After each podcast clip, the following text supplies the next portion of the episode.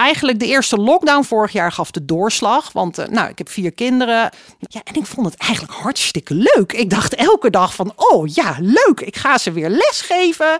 Ik heb er plezier in. Ik, ik vind het leuk om dingen uit te leggen. Ik vind het leuk om ze te helpen om dingen te snappen.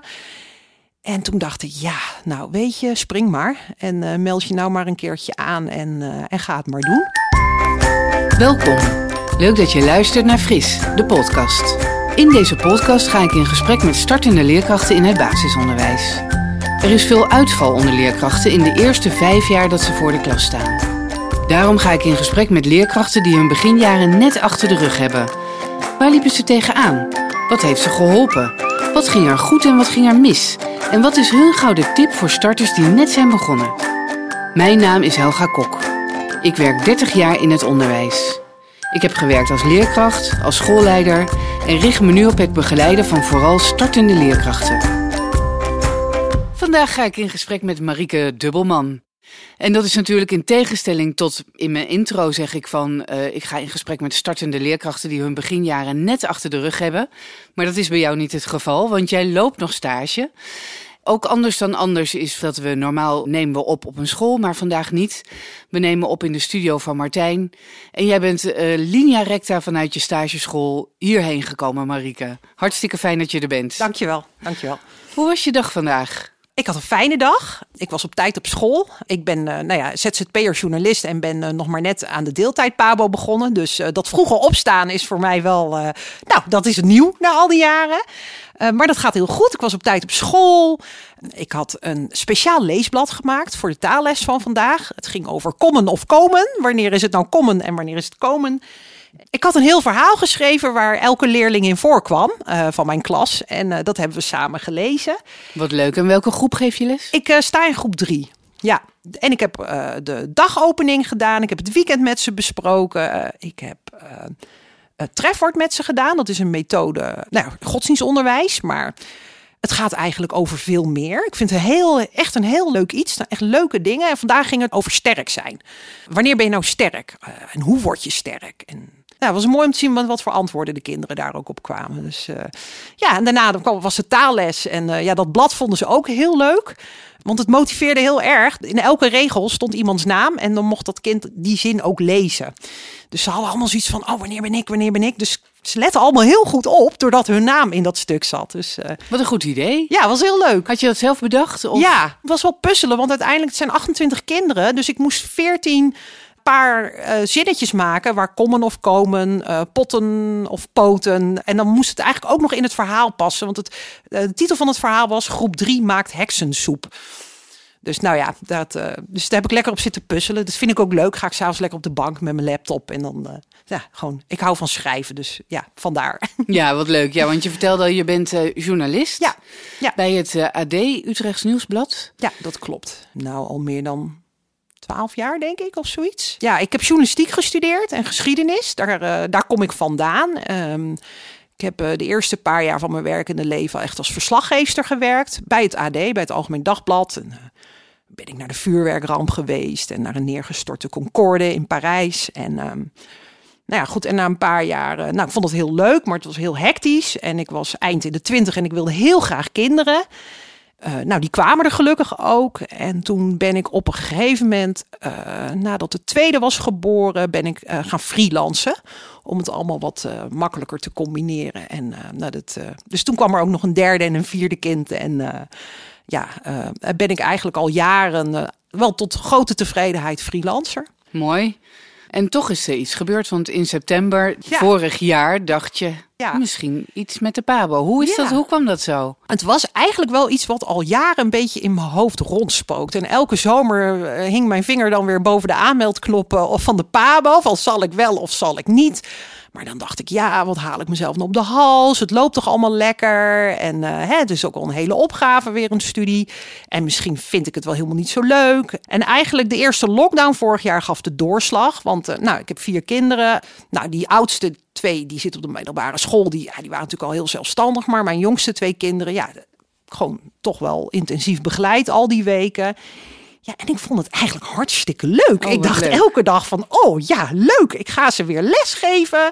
Ik heb er plezier in. Ik, ik vind het leuk om dingen uit te leggen. Ik vind het leuk om ze te helpen om dingen te snappen. En toen dacht ik, ja, nou weet je, spring maar. En eh, meld je nou maar een keertje aan en, eh, en ga het maar doen. Ja, je volgt de deeltijdopleiding, klopt ja, dat? klopt. Ja, ik kan het soms nog steeds niet helemaal geloven. Dan lever ik weer wat in. En dan staat er in dat inleverformulier opleiding tot eh, leraar basisonderwijs. En dan denk ik, heb ik het nou echt gedaan? Ja, maar ik lever wel wat in. Dus ja, nee, ik ben er wel ja, serieus mee. serieus mee bezig. Dus Ja. ik loop stage één dag in de week en twee avonden in de week online college. Twee keer een uurtje. Het is wel heel weinig, ook vanwege corona. Onze klas is in tweeën gesplitst. Oké. Maar goed, weet je, het is wel. Ik ben natuurlijk ZZP'er. Ik heb geschiedenis. Ik ben wel gewend om gewoon zelfstandig te werken. Ja, Dus het is dus wel dat iets lukt wat, wel. Het is wel iets wat het lukt. Ja. Maar ik vond het eigenlijk heel leuk om weer in een klas te zitten en gewoon mensen te zien. Dus ik hoop wel dat het volgend jaar dat we gewoon weer met de klas zijn. Ik vind het echt heel leuk om weer klasgenoten te hebben. Ja, wat leuk. Ja, Dat is natuurlijk ongelooflijk jammer. Je leert ook heel erg door het uitwisselen met klasgenoten. Ja, dat mis ik wel heel erg. Dus we hebben af en toe wel, eh, zeg maar, we hebben een begeleid uur en we hebben een onbegeleid uur. En vaak, ja, weet je, mijn klasgenoten werken ook allemaal veel, hebben grote banen, gezinnen. Dus veel van mijn klasgenoten gaan gewoon net even een half uurtje eten in dat, in dat eh, tussen, tussen zeven en acht, zeg maar, tussen de colleges in. Maar soms dan blijf ik ook wel eens even hangen online. En ja, en dan hebben we echt een uur vol gepraat. Zo van, hoe was het op je stage? Wat heb je meegemaakt? Waar loop je tegenaan? Wat vind je moeilijk? Wat gaat goed? En dan, ja, we praten er wel heel graag over. Dat merk ik wel. Dus ja, ik hoop wel dat dat volgend jaar weer eh, gewoon face-to-face... eh, dat we ook gewoon even koffie kunnen gaan drinken in de kantine. En, Ja, eh, dat, is wel dingen. veel leuker, hè? Ja, maar goed, voor ons, weet je, wij zijn deeltijdstudenten. Ik vind voor de voltijdstudenten vind ik het veel erger. Weet je, ja, ik heb mijn studententijd al een keer gehad. Dus in die zin, wij redden ons wel. Eh, maar ik hoop vooral eh, allereerst liever de voltijdstudenten gewoon maar weer normaal naar school. En dan, dan volgen wij wel. En welke opleiding doe je? Ja, ik zit op de Marnix. Oké, op de Marnix Academie. En dat bevalt? Goed. Ik vind het heel eh, nou ja, professioneel georganiseerd allemaal. Ik merk wel eens met sommige vakken dat ik denk, jeetje, je zou nog wel iets beter kunnen aansluiten bij eh, het feit dat je deeltijdstudenten hebt. En dat zijn mensen die vaak al veel werkervaring hebben, levenservaring hebben. Vaak ook wel een gezin. Ja, dus dat, dat zou wel eens wat beter kunnen aansluiten, zeg maar. Dus ja, laatst hadden we een college en toen ging het over alle vaccinaties eh, die kinderen krijgen. Ja, ik heb vier kinderen. ik kwam wel eens op het consultatiebureau. Dat weet je wel. En, en ik, wat ik zelf heel erg merk is dat zo'n vak als leerkracht, hè, waarbij het heel erg over. eh, nou ja, hoe werkt dat nou in een groep? Eh, hoe motiveer je kinderen? Eh, daar zou ik wel wat meer van willen hebben. Krijg je dat niet gelijk? Nou, dat krijg ik wel. Ja, maar het is maar natuurlijk maar één uurtje college. En zo'n collegereeks is acht of, of dan weer vier, zeg maar. Hangt even vanaf hoe groot het vak is. En dat ik wel denk, ja, we hebben nu één uurtje besproken, zeg maar, hoe je leerlingenresultaten analyseert. Ja, dan, dan ga ik de volgende week wel meteen naar mijn mentor en mag ik het eens zien? En hoe werkt het dan? En wat doe je er dan mee? En dat je toch wat meer Je moet het echt van de, van de praktijk hebben, van de ja, stage. ik heb, ik heb echt een hele fijne mentor. Die, eh, ja, die geeft gewoon ja, al die tips waar je naar op zoek bent. Van hoe zorg ik er nou voor dat ze niet alle 28 bij me staan. Juf, juf, juf, juf, juf. Want dan, dan is er ergens iets eerder. Is er, heb ik iets niet, niet helemaal handig aangepakt. Maar Ja. waar zit het hem dan in, zeg maar? Hè? Ja, hoe Eh, kan ik dat voorkomen? Hoe kan ik dat voorkomen? Ja. En inmiddels weet ik al, plassen, daar is de koe. Je hoeft niet eens bij me te komen. Potloodbot, daar is het bekertje met de potloden. Wacht even, daar is de koe. De koe. Oh ja, wij hebben in mijn stageklas. Ik was hem wel altijd af aan het einde van de dag. Maar dit is een plastic koe. En als je naar de wc moet, pak je die, leg je hem op de tafel. En dan weet, je, weet de rest van de klas. Nu is er één iemand naar de wc. Ja, en als die persoon dan terug is, dan kan jij de koe pakken. En dan, nou ja, maar goed. Dus aan het einde van de Ja. dag, dan eh, spoel ik hem wel af, zeg maar. Ja, zeker nu beetje- natuurlijk. Een ja. beetje een vieze koe. Ja. ja, dan gaat even door de wasstraat. Maar dat zijn gewoon van die dingen dat je denkt, oh ja, zo regel je dat handig. Het is heel veel dingen moet je gewoon handig regelen. Daar Ja. kom ik eh, wel hoe langer hoe meer achter. En dat vinden kinderen ook eigenlijk heel fijn vaak, want dan, hoef ze, ja, dan weten ze gewoon waar ze aan toe zijn. Ehm, je hebt een ongelooflijk leuke column in het AD. Je schrijft over de PABO en over je stage. Ja, En ook over je rekentoets. Oh ja. Ja, dat is, eh, dat is wat ik heb gelezen. En ik Ja. las Ja. dat je zelf een rekenpaniekmonster Ja. eh, een, een, een warmtehuis hebt gegeven. En dat je dat heel graag wilt voorkomen dat de leerlingen. Ja, dat je wilt voorkomen dat die geen dat rekenpaniekmonster ja. in Ja. huis hebben. Ja. Heb je inmiddels enig idee een beetje wat je kunt doen?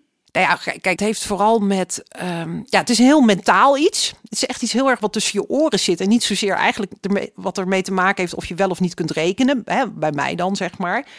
Ja, als je eenmaal jezelf hebt wijsgemaakt dat je ik kan niet rekenen of ik vind het altijd moeilijk. Of nou ja, hè, dat je daar echt een beetje. Ja, dan, hè, dan heb je het een beetje over die fixed mindset, waar we Ja. nu eh, ook over aan het leren zijn. En ehm, ja, die, die kan gewoon heel veel angst en stress veroorzaken. En die kan soms zo groot worden dat jij gewoon echt in paniek raakt. En gewoon, ja, er gewoon niet meer uitkomt met een rekentoets. Hè? Dat je gewoon een soort blackout eh krijgt. Nou, ik moest dus inderdaad een rekentoets maken. Eh, in augustus was de eerste keer. Ik had echt veel geoefend. We waren op vakantie in de. Ardennen. En moeder zat elke avond een uur Oh, en eh, veelvuldig ook af en toe de hulp van mijn kinderen ingeschreven. Ja, ik had natuurlijk, ja, ik ben na de vierde met wiskunde gestopt. Dus ik denk dat ik al 25 jaar niet meer echt. Ja, weet je, de winkel reken je wel eens kortingen Ja. uit. Maar verder, ja, je gebruikt een rekenmachine als je. Dus ik had natuurlijk, nou. En eh, we waren ook net een druk bezig met een nieuw huis. Dus ik ging die rekentoets maken. En ik was echt een beetje. Ik zat er gewoon echt helemaal niet lekker in. En hij was adaptief de eerste keer. Dus als, het dan, als je een paar goede antwoorden geeft, dan wordt het steeds moeilijker. En daar, daar raakte ik van in de Oh, stress. Want ja. ik dacht, ja, maar dat weet ik helemaal niet. Dit is, dit is vierde klas wiskunde. eh. Goed, dus dat werd natuurlijk eigenlijk, dat werd gewoon niks. Dus ehm, een 5,4, net niet gehaald. Enorme domper, zie je wel. Je Ja. kunt het niet. Wat dacht jij wel niet dat je dat zou... Hè? Weet je, gewoon... eh, Ja, ja. De dingen die eh, mensen dan wel eens tegen zichzelf zeggen. En, Ja. ehm, en ik had er ook wel een hoop trammeland over gemaakt hoor, bij mezelf. En ik moet oefenen en ik moet dit en ik moet dat. En ehm, dus de tweede keer dacht ik, oké, dubbelman, chill out. Ehm Word wat rustiger. Ehm, nou, dus ik had ook eigenlijk niks meer verteld thuis dat ik de tweede toets Oh, nee, ging maken. ja. Dat ik hem ging herkansen. Gewoon rustig een paar keer geoefend, maar niet zo, ja, zo, zo, Zo gefixeerd. Zo gefixeerd, hè? Dus want dan maakte ik wel eens twintig sommetjes en dan had ik er één fout. En dan, eh, zie je nou wel, kan niet eens twintig sommen. Oh, ja? Ja, het was Echt een beetje perfectionistisch. Ja. Ja. Dus ik dacht, nou, dat moet je dus niet meer doen. En, ehm, en ik was niet zo heel erg lekker die dag voor die toets. Ik had een coronatest gehad, ik had geen corona. Ik wil, maar dus ik dacht, nou ja, dan, eh, ik heb mezelf laten testen. Laat ik maar wel gewoon gaan, want Ja. misschien haal ik het gewoon net. Dus ik zat daar en ehm, dat was heel grappig, want de, eh, de, de toetsen gingen niet inladen. Die, die, die, eh, er was problemen met de software, dus echt dat hele lokaal, eh, iedereen helemaal in de stress. En ik dacht alleen maar, ja, maar ik zit hier toch voor Piet Snot, want ik ben niet lekker, dus het maakt voor mij allemaal niet zo heel veel uit. Dus ik was al helemaal, en toen na een kwartier startte die toets op. En toen ging ik lekker zitten rekenen, lekker rekenen. Nou, toen ging ik eigenlijk wel met een beter gevoel eh, naar huis. Fijn. Ja. ja. Nou, en toen had ik een 9,6 de tweede keer. En toen dacht ik, ja, Marieke, Zo werkt het. zo werkt het dus. Ja, zo werkt het. En toen dacht ik, nou, fijn voor mezelf, maar nog veel fijner dat ik gewoon heel goed nu weet van, hé, hey, hoe werkt het? En Ja. neem het mee Ja, naar school. mooi. Probeer het te zien straks bij de kinderen. Ja. Probeer erachter te komen. En heb je dat al een beetje toe kunnen passen? Heb je al een situatie meegemaakt dat kinderen een toets kregen? Het, ja, het is gewoon, je merkt wel, het is gewoon moeilijk voor ze rekenen. Dat merk ik wel in mijn klas. We zijn natuurlijk heel, we zijn heel erg bezig met over tiental heen rekenen. En er zijn gewoon, ja, dat, en dat moet natuurlijk allemaal met splitsen eerst. eh, Ja. Ik weet ook eigenlijk helemaal niet meer zo goed hoe ik dat zelf heb geleerd. Nee. En dat vinden sommige kinderen echt heel lastig. Als je 7 en 12 en dat je Ja, dan... 7 en 12. En dan heb je heel veel kinderen die schrijven dan eh, wel het goede antwoord op. 7 Maar splitsen hem dan niet goed, zeg maar. Dan doen ze daar maar wat. Dan vullen ze daar maar wat in. Dus je hebt Ja, ja. ja, want over, we hadden het over rekenen, maar over taligheid. Jij bent zo eh, gemotiveerd dat je eh, dacht van... hé, hey, eh, de podcast, daar gaat gevraagd worden naar mijn lievelingsboek. En je hebt hem meegenomen zelfs. Ja, ja. En dat vind ik zo leuk dat ik je wil vragen of je er een stukje uit voor Ja. wilt lezen. Misschien wil je even de titel van het boek Ja, noemen en ik de zal even kort de titel eh, vertellen. Het is een boek van eh, David Walliams. Dat is een eh, Engelse auteur. Het is een van de acteurs van Little Britain. Een komisch programma waar ik zelf altijd erg hard Ja, om kan lachen. En zijn boeken zijn ook heel... Ja, ik vind ze gewoon heel grappig. En ik hou echt heel erg van grappige boeken... waar ook een beetje stoute dingen in gebeuren. En dat het niet altijd even netjes eraan toe gaat. Fijn. Nou, Fijn ik voor de zat even... Ja, het is heel fijn, ja. Nou, vandaag waren ze er zelfs een beetje onthutst van. Oh. oh, dat maakt het wel heel spannend. Eh, nou, eh, dit het gaat over Sheila, een nijlpaard. En die wil heel graag als eerste op de maan komen. Dit is het verhaal van twee nijlpaarden. Twee nijlpaarden met één droom. Ze wilden allebei dolgraag het eerste nijlpaard op de maan zijn. Het ene nijlpaard, Hercules Leopold Saxon III, was stinkend rijk. Hij liet een gigantisch ruimtevaartcentrum voor nijlpaarden bouwen. Dat moest hem naar de maan schieten. Maar Sheila pakte het anders aan. Inderdaad, het andere nijlpaard heette Sheila. Zij verkondigde op een ochtend: Ik wil het eerste nijlpaard op de maan zijn. Maar Sheila, zei haar vriend de giraf, je hebt helemaal geen ruimteraket. Nou, dan maken we er toch eentje, Adam, antwoordde Sheila. Inderdaad, de giraf heette Adam, want wij nijlpaarden durven te dromen. Sheila's vrienden schoten in actie. Ze gingen een raket voor haar bouwen. Tina, de olifant, tilde de grootste boomstam die ze kon vinden. En Joyce, de gorilla, greep de langste liaan. En Karel, de struisvogel, kreeg de taak om de smerigste berg neushoornpoep te scheppen. Nou, dan kan je je wel een beetje voorstellen Ja. wat de brandstof wordt van de raket van Sheila. Ja, maar heerlijk is dat toch? En dat het ook gewoon weer mag. En die kinderen, ja, ik zie ze. Ik zie het gewoon voor me dat je aan het voorlezen bent. En ik zie, want je maakt af en toe ook nog oogcontact. Dus dat, eh, ik zie het helemaal gebeuren. En helaas kunnen de luisteraars niet de plaatjes zien, want die zijn ook nog Nee, heel die mooi. zijn echt prachtig. Hele mooie illustraties erbij. Dus eh, ehm, ja, echt al vanaf groep 2 zou je deze wel. Want deze heb ik ook echt aan mijn eigen kinderen, aan mijn jongste veel voorgelezen. Dus het is gewoon heel leuk. Het is gewoon grappig. Ja, Leuk, dankjewel. ja graag ik gedaan. ken het boek eh, niet. Dus ik ga er ook gelijk naar op zoek, want nu wil ik hem natuurlijk ook Ja, lezen. nee, er zijn, eh, er zijn eh, ja, nou, hij heeft een aantal prentenboeken en hij heeft ook gewoon gewone leesboeken. Eh, eh, ook in het Engels, ook heel toegankelijk ook al hoor. Voor kinderen die een beetje handig zijn met Engels. Oh ja? Voor Eh, welke leeftijd dan ongeveer? Of welke groep? Ja, ik denk al vanaf een jaar of 10, 11, als ze een beetje vaardig zijn in Engels, kunnen Ja. ze ook wel eh, zeker eh, die boeken in het Engels lezen. Maar oh, ze zijn ook allemaal Nederlands vertaald. Dus eh, En, ehm, en het andere is natuurlijk, maar ik vond eigenlijk je, je rekentoetsverhaal al gewoon heel open en kwetsbaar. Maar misschien heb je, heb je ook nog ergens een blunder voor ons. nou, een blunder. Nou, ik had wel, nou ja, ik weet niet of het een blunder was. Mijn mentor vond het geen blunder, maar ik baalde er achteraf van. Ik had vorige week die rekentoets nagekeken. Ik had een rode pen gepakt. Dus ik ga al die toetsen nakijken. En mijn mentor had gezegd van ehm, ze kunnen voor elk stapje een punt krijgen. Dus je moet dan wel overal waar het niet goed is een kruisje zetten. Maar dat leidde ertoe dat, dat het een soort bij sommige kinderen ja, letterlijk een soort rood bloedbad werd. Oh. En, Oh. en later dacht ik, oh nee, oh nee, oh nee, oh nee, oh nee. En dan zien ze dat de volgende dag. En dat is gewoon, oh, had ik het maar gewoon allemaal even gekopieerd. En dan op het, op het ko- gekopieerde blad nagekeken. Want ik dacht, ja, hoe demotiverend is dat, hé? Dus natuurlijk met de beste bedoelingen nagekeken. En ik dacht, nou, laat ik het lekker duidelijk doen voor mijn mentor. Kan ze het goed zien? Maar toen dacht ik later, oh nee, dat is...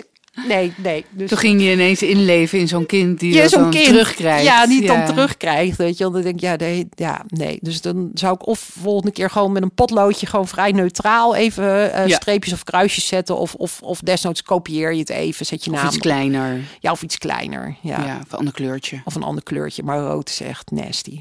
Nee, Ja. dat is een beetje ouderwets, hè? Ja, dat is er zo was een soort hè? reflex. Oh ja, ik ga nakijken. Dat hoort met rood, toch? Ja, maar dat was eh, vroeger zo. ja. nou, nog, gebeurt nog steeds wel. Ja, Het hoeft ook niet erg te zijn. Maar je kan ook zeggen met rood, ja, eh, je hebt er 18 van de 20 goed. ja precies. Dan verdwijnt dat ook weer uit ons systeem dat rood fout is. Maar goed, ik, ik loop nog stage, dus ik mag... ja, je mag alles. Ik mag toch dit, ik mag moet, dit soort fouten nog maken. Ja, fouten maken moedig. ja. Ja, nee, ik vind het ook geen blunder. Zeker niet. Nee. Maar eh, Nee, en ik heb verder nog niks onder laten stromen. Of, eh, Nee, er is nog niks ontploft. Geen verfpotten tegen de muren. Onder kinderen onder de ecoline. Nou, nee, er is wel één keer een lijmpot. Ik had op een groep nul. eh Toen moest ik zo lachen. Er was één jongetje en die, ja, echt, die deed echt gewoon, nou ja, echt een soort meer van lijm had hij erop. Dus ik zei, oh, ja, hm, dat had ik wel beter even moeten uitleggen. Ik zei, nou weet je wat je doet? Alles wat je nu nog gaat plakken, dat haal je er doorheen. En dan, dus ga nu niet dat plakken waar al Oh, die ja. lijm op zit, maar dan haal je het er gewoon doorheen en dan plak je dat en dan heb je genoeg lijm om alles te plakken. Dus ik leg hem dat uit en hij kijkt me aan. Hij is echt vieren. Hij zegt, hij zei, dat vind ik echt heel slim van jou.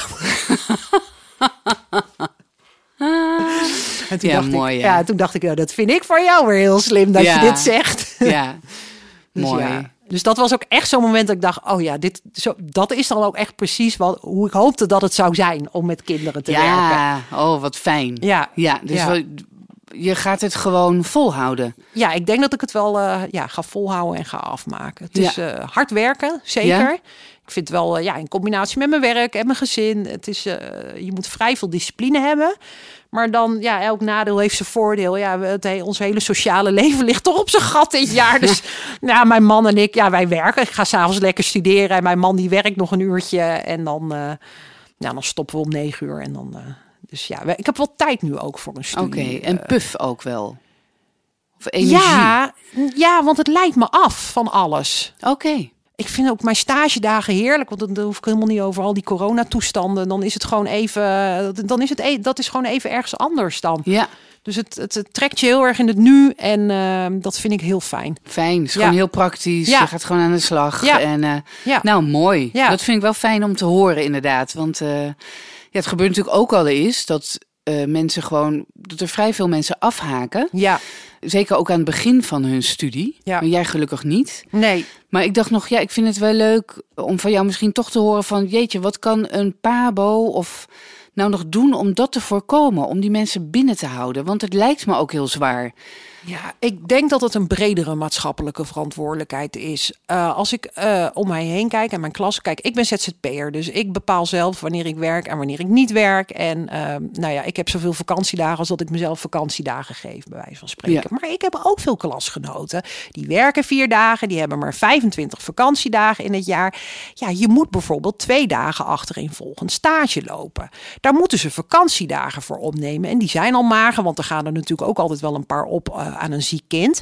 Ehm, nou, ik, ik vind niet dat een pabo de concessie moet doen van nou, dan hoef jij maar één dag. Want ik, je hebt het echt wel nodig om te weten hoe het is om twee dagen achter elkaar op een school te zijn. Maar ik vind wel dat je op een gegeven moment uit de, vanuit de overheid zou kunnen zeggen, hè, als wij zo'n lerarentekort hebben en wij willen graag ook, hè, want ik heb echt mijn klasgenoten, het zijn echt gewoon slimme mensen. Dat ik echt denk van ja, het zijn echt wel mensen die je voor de klas wil hebben ook, hè, Ja, met veel ja, ja. erva- levenservaring. En dan als het dan op zoiets stoms stuk loopt op als van ja, ik, ik, ik, ik heb niet genoeg vakantiedagen voor die stagedagen. Ja, maak een verlofregeling. Weet Ja. je, als jij een, een studie doet eh, zoals de PAPO voor een tekortberoep, dan schenkt de overheid jou gewoon zes dagen. Betalen we jou gewoon door op je gewone werk, zodat je dat kan doen. Hè, dat mensen de ruimte hebben ook om te studeren. Want dat zie ik gewoon er. Ja, je, ik zie ze allemaal s'avonds, nou ja, nog even heel vaak tijdens de colleges nog eten. Want dan hebben ze een lange werkdag gehad. Ja. Dan s'avonds college. Ja, dat is, dan moet je wel van goede huizen komen. En dan moet je het echt heel graag willen. Echt, ik heb veel klasgenoten die willen het echt heel graag. En die, ja, die hebben echt hele goed betaalde banen. En die weten ook heel goed van, nou, dat ga ik straks echt niet verdienen als ik, maar ik wil het zo graag. Ja, Dan denk ik, ja, kom ze daar dan op praktisch vlak daarin tegemoet. als werkgever Als, nou ja, nou, eventueel werkgevers of, samen met de overheid, weet je wel, dat je daar ja. gewoon regelingen voor maakt, zeg Ja. maar. Eh, dat je daar ruimte voor biedt. Want dat, ja, dat zie ik wel als het grootste knelpunt. Gewoon, ja, weet je, als je ook nog vier dagen werkt, hè, en ik heb ook best wel veel klasgenoten die zouden dan heel graag die gulden middenweg doen, hè. Dus dat je na een jaar, als je alles hebt gehaald, dan eh, zou je al eventueel betaald eh, eh, voor de klas kunnen. Maar ja, daar zijn niet zo heel veel van dat soort plekken van. En Nee. kan, nee, er zijn echt maar een paar scholen die dat bieden. En dan kan ik me dat natuurlijk ergens ook wel weer voorstellen. Want ja, je bent nog maar tweedejaars. Je bent nog aan het leren. Ja, dat is natuurlijk ook best wel hè, eh, spannend. Dus ik denk, ja, kijk gewoon hoe je mensen eh, ruimte kunt geven, zeg maar, om zo'n deeltijdstudie eh, te doen, zeg maar. In de zin van, ja, ja, dat je misschien vijf of zes gewoon verlofdagen cadeau krijgt per jaar, die je Ja. dan gewoon aan je studie kunt besteden of aan stage. Ja. dat soort dingen. Want ja, ze zijn wel nodig. Ja. Extra. Weet je wel, alleen maar gewoon jonge mensen die naar de Pabo gaan. Ja, dan red je het waarschijnlijk niet mee Nee. de komende jaren. Dat denk ik ook niet. Dus eh, ja, dat zou mijn suggestie zijn. Nou, dankjewel voor dit gesprek. En eh, ik sluit deze podcast af met een citaat uit jouw column, die heet Behulpzaam. Over jouw motivatie. Je schrijft er zo mooi over kinderen. Het gaat over burgerschapsonderwijs. En jij zegt dan, want kinderen zien geen kleur. Maar vooral een klasgenoot met wie ze graag spelen, of soms niet. Kinderen zijn enorm behulpzaam. Als ze iemand buitensluiten, is een kort gesprekje voldoende om de zaak weer vlot te trekken. De waarheid heb je altijd binnen twee tellen uit ze getrokken. Kinderen lopen niet rond met notities waarop staat positie, omzicht, functie elders. Kinderen blijven niet rookgordijnerig draaien over de vraag hoe dat nou op papier kan zijn gekomen. Kinderen gillen niet dat ze minder Marokkanen in de klas willen. En dan zeg je laat die leerkrachten en die leerlingen met rust. Nou, dat vind ik zo'n mooi pleidooi. En misschien kunnen we hier en met jouw verhaal van eh, laat ook die startende leerkrachten die dat willen, laat ze met rust. Laat iedereen die de opleiding wil doen, laat ze met rust en geef ze de ruimte en laten we gewoon zorgen voor heel veel nieuwe leraren, Ja, zodat het tekort toch echt misschien over een aantal jaar is opgelost. dat zou wel heel fijn zijn, ja.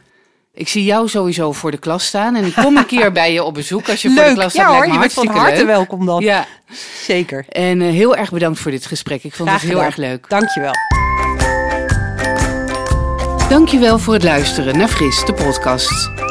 Deze podcast werd mede mogelijk gemaakt door PCOU Willibrord en Martijn Groeneveld van Mailman Studio. Vond je deze podcast leuk? Of heb je een vraag aan mij of een van de volgende leerkrachten? Laat het dan even weten in de comments hieronder. Dankjewel en tot de volgende keer.